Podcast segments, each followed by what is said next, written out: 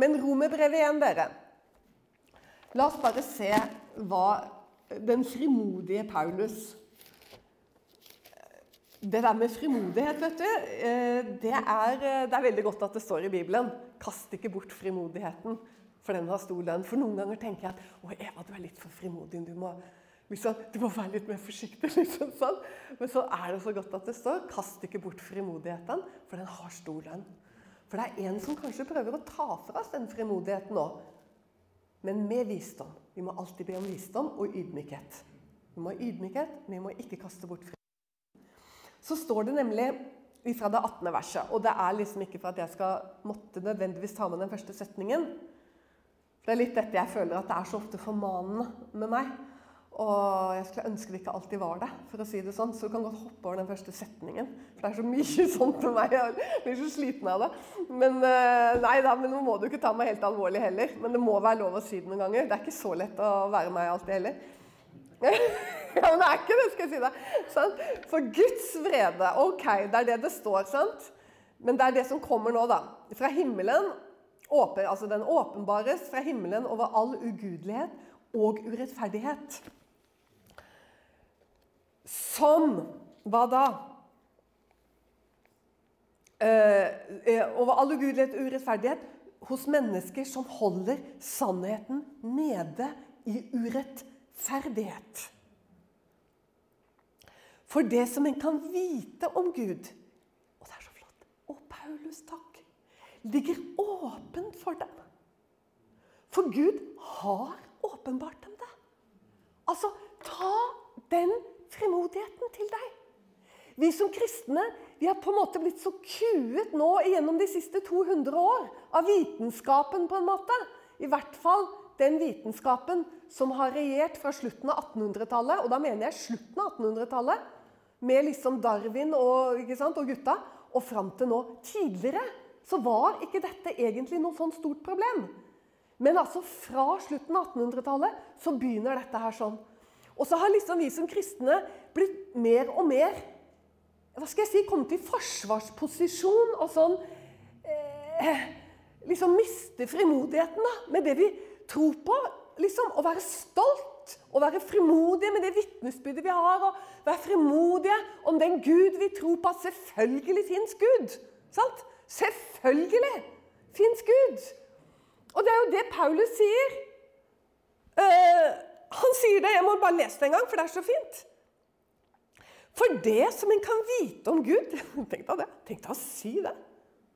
Ligger åpen for dem. For Gud har åpenbart om det. Og nå vil jeg bare først bli her litt grann i rett og slett dette med skaperverket. Bibelen er full av det. Og spesielt Salmenes bok. Det er så mye av det. Av hvordan på en måte Gud åpenbarer seg. Sånn som Paulus sier. Det er jo helt Jeg husker jeg satt i en uh, samtale med en venn av Erlend og meg. Han er israeler. Han er biolog. Han er darwinist. Og vi satt oppe uh, i Galilea sammen uh, ute i hagen hans. Fantastisk hage, selvfølgelig, når du er biolog. Og så kom vi inn i samtale, da, om, og så sa han et eller annet som trigga meg sikkert. jeg vet ikke, eller i hvert fall så kom Den hellige ånd og hjalp meg voldsomt. Og så begynte jeg å utfordre ham på det han faktisk tror. Sånn?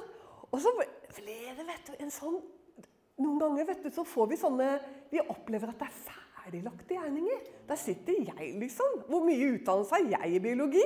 Til å sette i gang en, en, diskusjon med en som er biolog. Jeg har jo ikke noen utdannelse til noe sånt, jeg. Men du vet at ånden er utdannet til sånt, og han bor inni oss. ikke sant? Og jeg bare begynte å utfordre han i forhold til dette med Paulus som står her. At ja, men Boris, det er jo åpenbart. Ikke sant? Jeg begynte sånn. Det er jo åpenbart at det fins en gud. Om du ser det i mikro eller i makro. Om du titter liksom under sjøen, under, under havets overflate i Eilat, eller om du altså sånn, Bare gikk inn i disse tingene. Hvor perfekt! Hvordan alt hører sammen. I det minste, i det store, i det hele. Jeg får det jo ikke til sånn her nå, som jeg snakket med han. For da var det Den hellige ånd som liksom bare ledet meg noe voldsomt inn i den samtalen. sant? Men dere, det er akkurat sånn som Paulus sier det. Det er nemlig slik at Gud har åpenbart at han fins i skaperverket. Og det var nok av vitenskapsmenn som sa det samme. Newton Det kan godt hende jeg har nevnt han for dere før. Og hvis dere går på utentvil.com, de fleste av dere kjenner det nå, og der har jeg lagt ut noen ja, Det er tre forkynnelser over Jobbs bok. Og særlig den første og den andre om Jobbs bok. Der kommer jeg inn på mange av disse tingene hvis du er interessert i det. For Jobbs bok er nok en av de bøkene som vitenskapsmenn i tidligere tider gransket. Virkelig. Og fikk mange tanker og ideer om ting som de ville utforske. Om skaperverket. Fordi de, ble, de så ting i ordet. Hør her. Newton han skrev voldsomt mye. Og man har funnet skrifter etter han hvor han forteller hvor mye tid han brukte på å lese Skriften i forhold til bøker i matematikk og fysikk. Og, skjønner du? Han sier det var minimalt hva han leste av andre fysikere og matematikere i forhold til hva han leste i Bibelen. Hvorfor blir ikke sånne ting sånn, Hvordan alt har bare blitt fortrengt ned. Tenk på Ibsen. Henrik Ibsen han var ikke naturvitenskapsmann. Han var en stor forfatter. Og han sitter i Roma og skriver hjem fra Roma at når han skriver Per Gynt, så skriver han jeg leser ikke noe annet enn Bibelen. Den er mektig, den er sterk, den har sannhet. Så du, må, du må, må, ikke tro at du gjør noe syndig ved å gå og se på Per Gynt på teateret, eller lese Per Gynt. For den er full av eh, Bibelen. Rett og slett. Husk dette med å gå utenom sabøygen. ikke sant? Alt dette er sånn. Fantastisk. Og, og så leste jeg i dag eh, Så leste jeg eh, Kepler. Johannes Kepler. Det er jo mange hundre år siden, sier du. sant? Men han sa det. At det at vi kan studere lovene, lovmessighetene, i matematikken og fysikken og naturen Han, gikk, han sa det. Ja, men det er jo det, det, For oss er det Guds bevis. At disse lovene er der. Du kan ikke bevise at Gud fins på samme måte som du kan sette to svar under et matematisk regnestykke. Men det er over det.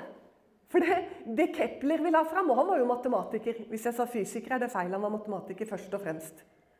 Og han ser at selve det at du kan regne deg ut til det, er et bevis på at Gud fins. Newton sa det samme. Han sa nemlig at lovene om bevegelse og Det var jo han som lærte oss om tyngdekraften. Det sa han. Det er Guds bevis. Og han, og han talte om det. Altså Lovene for bevegelse og tyngdekraften var Guds bevis. Er ikke det herlig? Dette har tyngdekraften så skjønt. Som holder oss eh, på jorda. Det er jo en kraft, vet du. Helt fantastisk. Det hadde vært grusomt. Hvis, holdt jeg, på å si. Jeg, jeg, gleder meg til den dagen han rykker oss opp, men jeg har ikke lyst til å bli rykka rundt omkring, liksom. Det har jeg ikke lyst til. Det er, er veldig godt å kjenne at, liksom, sant? at du, du, hører til. Da. Men uh, da, det hadde vært fryktelig, altså. Det hadde vært en slags sånn, ja uh, Tilstand jeg ikke har lyst til å komme i, men uh, jeg gleder meg hvis jeg får lov Ja, det får jeg lov til uansett. får vi jo det. For om vi går gjennom graven eller om vi ikke går gjennom graven, så er jo det det neste for oss alle sammen. For, og de som går gjennom graven, de går jo først. Og så kommer vi etter. Halleluja. Men det var ikke det jeg skulle snakke om. Det blir litt fritt her i dag. Og nå nærmer, det seg sommerferie, og da er det alltid litt sånn fritt. er det ikke det? Da var det på skolen i hvert fall. Da var det litt lett, liksom. Tøyse litt òg. Men eh, Fantastisk. La oss lese et vers til hos Paulus, for jeg tror det er mer bra her som står her. For det står nemlig For hans usynlige vesen Her kommer det, vet du. Er det rart at vitenskapsmenn har kost? For hans usynlige vesen, både hans evige kraft og hans guddommelighet, er synlig fra verdens skapelse av. I det det kjennes av hans gjerninger. Det er synlig! Det er åpenbart. Altså Egentlig så sier Paulus at hvis du ikke ser Gud, så er det deg det er noe galt med. Det er, altså, Det er øynene dine. Det er sanseorganene dine. Hørselen din, øynene dine, nesen din. Skjønner du? De, de, de, de, sansene du har, da. For det er åpenbart. Eh, og derfor så sier han fordi de kjennes av hans gjerninger. Og så kommer det for at de skal være uten unnskyldning. Fordi de enda de kjente Gud. Har du hørt for en frimodighet? Han taler inn i Roma. Forstår du? Altså, han taler inn i Du vet at Roma hadde jo tatt til seg hele den greske hva skal du si, vitenskap og filosofi. Og dette er liksom vitenskapens høyborg, egentlig, på den tiden. Og det er også avgudenes høyborg. Og det er sånt et kulturkrasj, det Paulus står her og sier. Det må ha provosert mange, det han sier her sånn. Og ikke minst fortsettelsen. Fordi de enda de kjente Gud altså han, han påstår da at dere vet egentlig at det fins en skapergud. Det vet dere. Og enda dere kjente Gud, så ærer dere ikke Gud, sier han. Eller takker han som Gud. Men i stedet har dere blitt dårlige i deres tanker, og deres uforstandige hjerte har blitt formørket. Se hvordan Paulus bygger oss opp i frimodighet på det å være en troende. Han sier rett og slett at det er åpenbart for alle at det fins en Gud. Nå skal ikke du snakke sånn til mennesker som jeg snakker nå, som ikke tror. For da blir de sikkert fryktelig sint. men, sant, altså, men du må gjerne ta litt av det likevel. fordi at du kan sitere Paulus. Paulus sier at det, det går ikke an å si at ikke Gud fins, fordi han har bevist at han fins i kraften av de gjerningene han har gjort. Og så dette her, ikke sant? At faktisk man har blitt dårlig i sin tanke. Dette er viktig at vi snakker om dere. For dette er grunnlaget, viser Paulus, for at det sklir ut. Det er her det begynner. Fordi menneskene blir dårlige i sin tanke. Det å fornekte at Gud fins. Da er det noe som har skjedd. Du har blitt dårlig til å tenke. Det så bra. Filosofer sitter der vet du, og vrir hjernen sin. sant? Blitt dårlig til å tenke. Fordi han har bevist det i kraft av sine gjerninger. Og så sier han hva dette leder til. Så sier han mens de, altså de som går imot at det fins en Gud som har skapt alt, mens de gjorde seg til av å være vise, ble de Dette er Paulus sine ord dårer. De ble dårer. Og så fortsetter vi. Hvorfor det? Jo, fordi de byttet den ugudelige Guds herlighet bort mot et bilde. En avbilding av et forgjengelig menneske og fugler og firføttede dyr og krypdyr. Altså Der kan du begynne å tenke at ok, dette er liksom, her nevner han opp skjønner du, dette her å tro på steiner og dyr og sånne ting og begynne å tilbe dem. Men når jeg leser dette, så leser jeg nesten en profetisk beskrivelse. Og du må ikke være enig med meg, for nå er det av Eva og ikke av Herren, for å si det sånn. Men jeg leser det slik at det Nesten som darwinismen, skjønner du. Av krypdyr. Har du også sett det der? Av krypdyr, ikke sant? Av firføttede. Og, og dette her at vi begynner å ære skapningen i stedet for at dette har oppstått igjennom skapningen, i stedet for å ære Gud. Så kommer det 24. verset, og det er her vi virkelig eh, må få ørene opp for hva han sier. Derfor, fordi vi gjorde dette Altså, Da tenker jeg på hele det, dette her som biologien og naturvitenskapen har holdt på med i stor grad i de siste drøye ja, snart 150 årene så står det Derfor overga også Gud dem i deres hjerters lyster til urenhet. Er ikke det ganske utrolig? Til å vanære sine legemer seg imellom. De som byttet Guds sannhet bort mot løgn, og æret og dyrket skapningen framfor skaperen, han som er velsignet i evighet. Amen. Derfor, sier, som Paulus gjentar seg hva dette kommer av, derfor overga Gud dem til skammelige lyster. For både deres kvinner forventer den naturlige bruken til den unaturlige. Og på samme vis, videre, sier han, forventer mennene den naturlige bruk til den unaturlige. Det er veldig viktig å lese det som står her, og være klar over hvordan dette rammer den romerske kultur. Fordi han går rett imot dem i forhold til deres tenkning, deres filosofi og deres vitenskap i stor grad. I stor grad, sikkert ikke i full grad, men han går imot dem. Tydelig går mot autoriteter.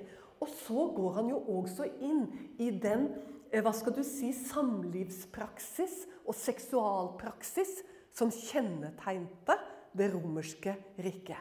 Så han er så utrolig frimodig, denne Paulus, som vi fryder oss over fordi han er en læremester som eh, er bare, kan du si, oppreist av Gud og opplært av Den hellige ånd for maken til ting som han berører igjennom alle sine brev.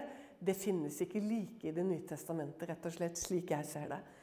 Så eh, jeg ville bare at vi skulle gå innom her og Men la, ta, la, la, meg få lov til å fortelle deg en liten sak som skjedde med meg en gang. For jeg har en eh, bekjent som er veldig også ut, Ikke denne israeleren jeg var i samtale med, men eh, en bekjent her i Norge.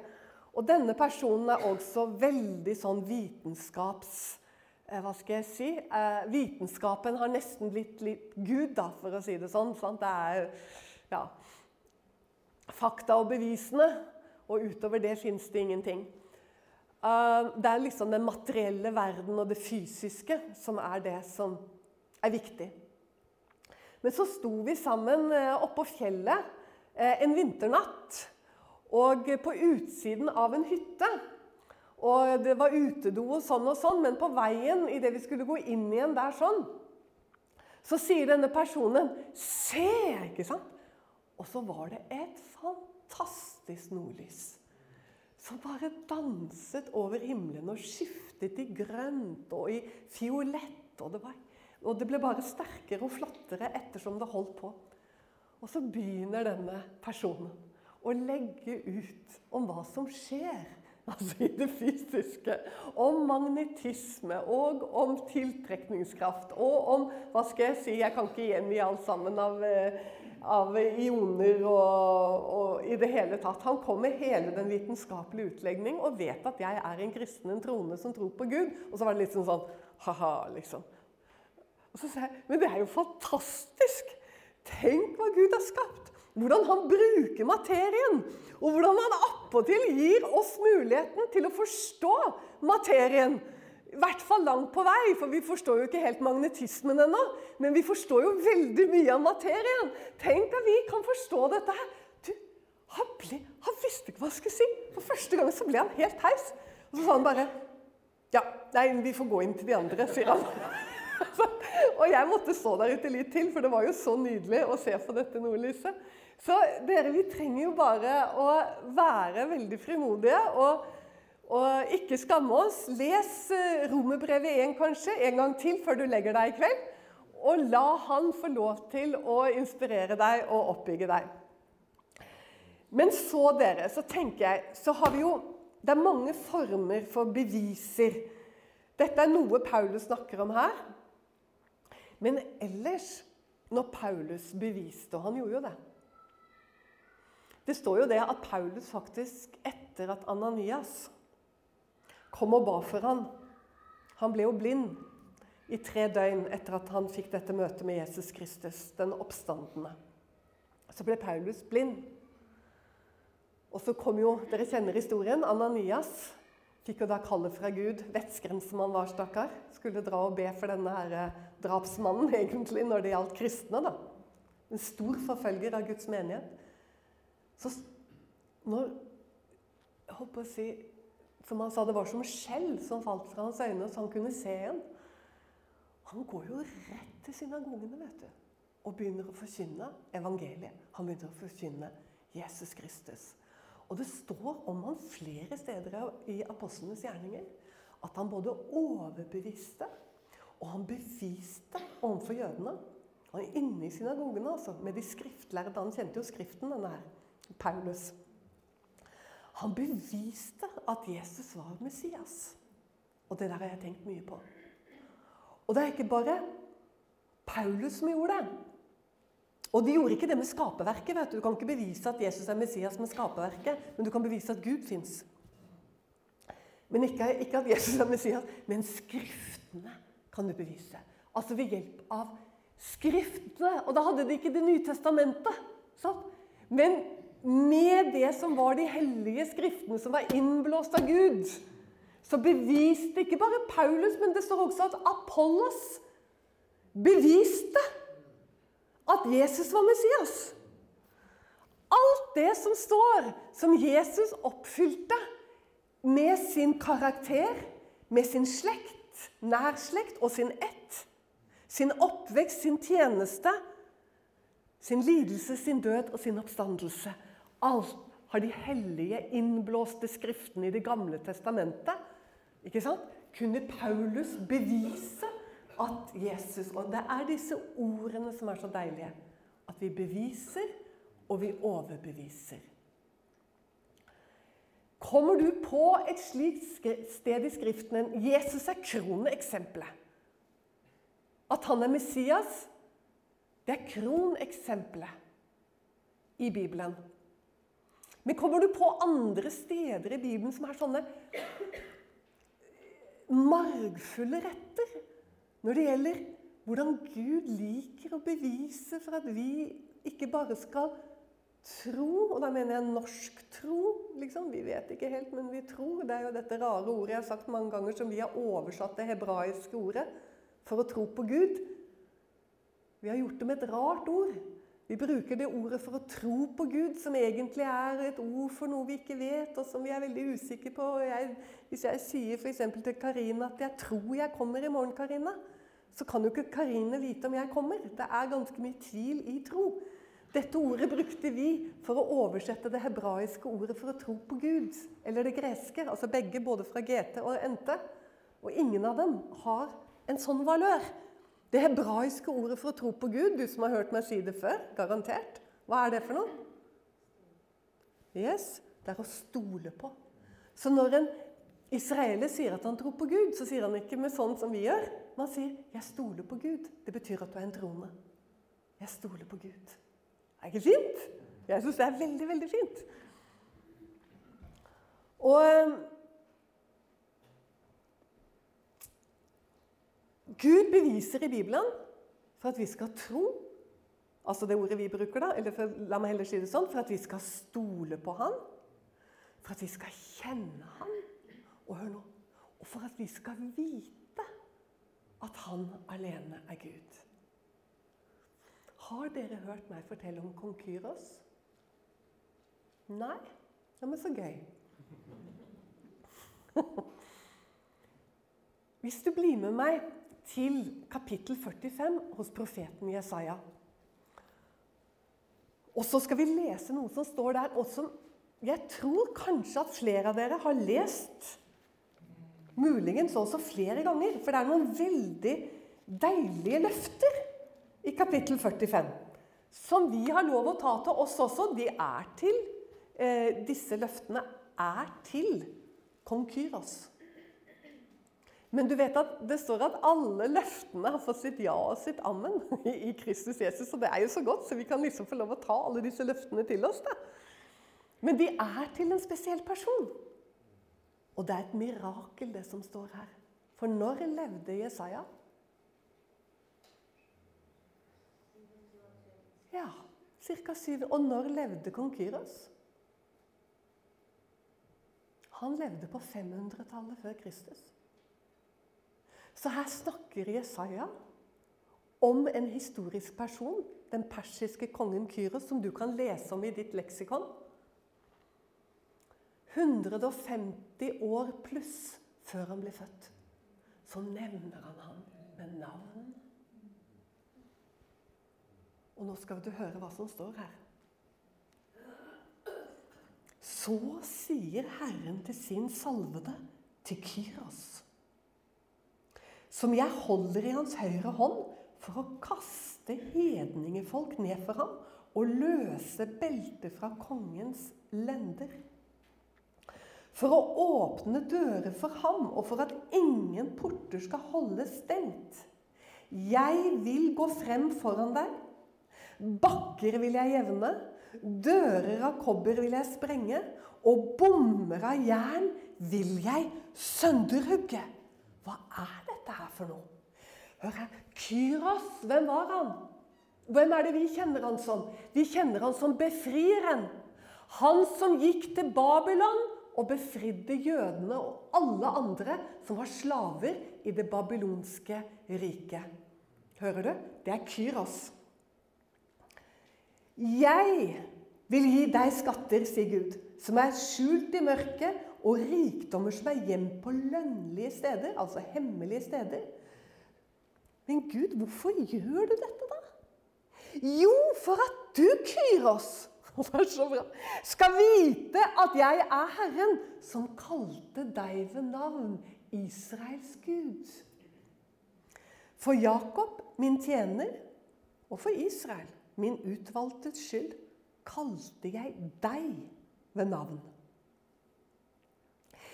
Ga jeg deg, og jeg sier her nå litt fritt, Kyros, hedersnavn, enda du ikke kjente meg. Å, jeg er Herren, og det er ingen annen. Foruten meg er det ingen Gud. Jeg omgjorde deg, enda du ikke kjente meg. Men Gud, hvorfor gjorde du alt dette med Kyros? Jo, sier han, Jesaja i sjette verset, for at de både i øst og i vest skal vite at det er ingen foruten meg. Jeg er Herren, og det er ingen annen. Åh, det må være lov å rope litt her, altså. Dette gjorde han med Kyros, for at hele verden skulle vite at han alene er Gud. Så lot han Jesaja si Altså, Hva gjorde Jesaja? Jeg kalte deg ved navn, Jesaja. 100, nei, jeg kalte deg ved navn, Kyros, 150 år før du ble født. Det må være lov å si halleluja en gang til. Jeg, jeg blir litt snål når jeg holder på med sånne ting. For det er så nydelig. Og du, hør nå Du som har hørt om eh, Du har hørt om liberalteologien, har du ikke det? De som har liksom pirket og hva skal du si, egentlig prøvd i hvert fall å rive Guds ord litt i fillebitter for oss. De er ikke fryktelig gamle som tradisjon, men de eh, oppsto på slutten av 1800-tallet. Og det sies av de lærde at de kommer fra Tyskland. Fra en spesiell retning og skole i Tyskland kommer den liberale teologien fra. Og du, det er ganske interessant. Nå må du følge med. Fordi I 1879 så var det noen arkeologer som holdt på å grave i de babylonske ruinene. Der begynte de og skulle utgrave det gamle Babylon. 1879, ikke glem det tallet. Og hva drar de opp av bakken der etter tror jeg, en tre måneders undersøkelser? Så drar de opp en skrifttavle i leire. Og når de får tydet denne skrifttavlen, så er det ingenting annet enn kong Kyros sin skrift og tale til det babylonske eh, Antageligvis til folket innenfor det babylonske riket, hvor han forklarer at Gud, himmelens og jordens Gud, sånn for babylonerne Hør nå. De hadde en skapergud, og han het Marduk. Og han bruker navnet Marduk, og det gjør han jo selvfølgelig for å bli forstått. Han sier himmelens og jordens skaper, kalte meg, sier han. Med navn. Fordi denne himmelens Gud trengte en, følg med, som kunne gå Dette står på skrifttavlen. For å gå til Babylon og sette folkene i frihet. Kalte denne Gud han til. Kyros. Han har skrevet det ned. Gå til Babylon og sett folkene i frihet. Halleluja! Les Esra kapittel 1 før du sovner i kveld.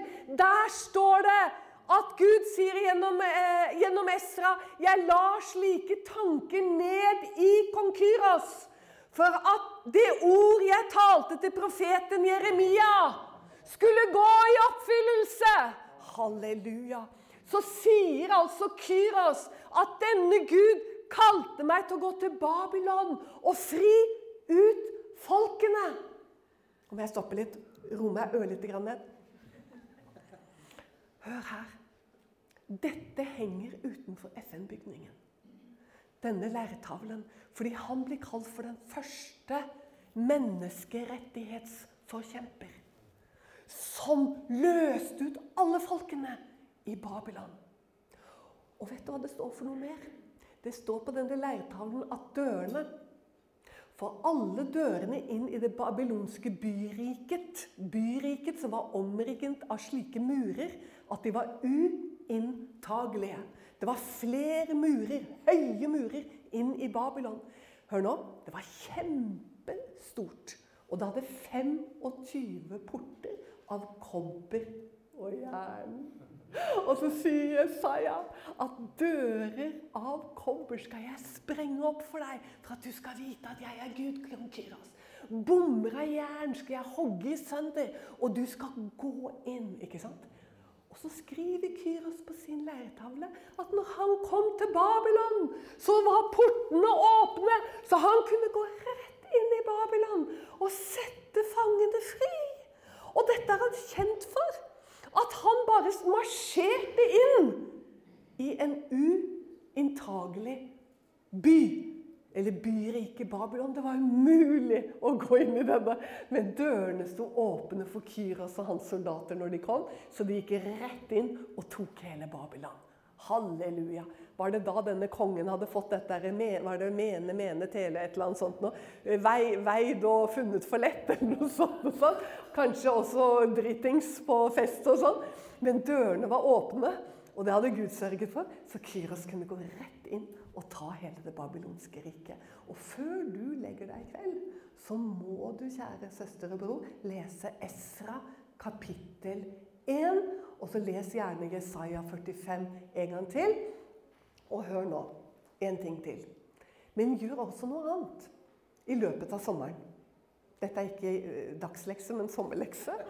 Les fra kapittel 40 til kapittel 50 i Jesaja. For i de ti kapitlene bruker Gud til å bevise at han er Gud, og det fins ingen annen. Han sier om og om igjen at 'jeg gjør det før det skjer', for at du skal tro når det skjer, sier Gud igjennom Jesaja. Du, vi skjønner jo hvem det er som er talsmannen her. For du hører jo Jesus ikke sant? fra Johannes. 'Nå sier jeg dere det før det skjer, for at dere skal tro når det skjer'. Du skjønner, I Jesaja fra kapittel 40 til kapittel 50 så er det masse av dette. Og så om det skulle sitte en her, eller høre en på video på YouTube-siden, som har studert teologi. Å ja, men vi lærte på teologi at det er flere profeten Jesajaer. Og nå skal du høre. Dette fenomenet med at det fins flere profeten Jesaja, det er en av liberalteologiens små hva skal jeg si, eh, irrganger. Her, Kanskje det begynte her. For du skjønner, når de fant hans læretavle i 1879, så plutselig så ble det flere Jesajaer. Er det ikke underlig?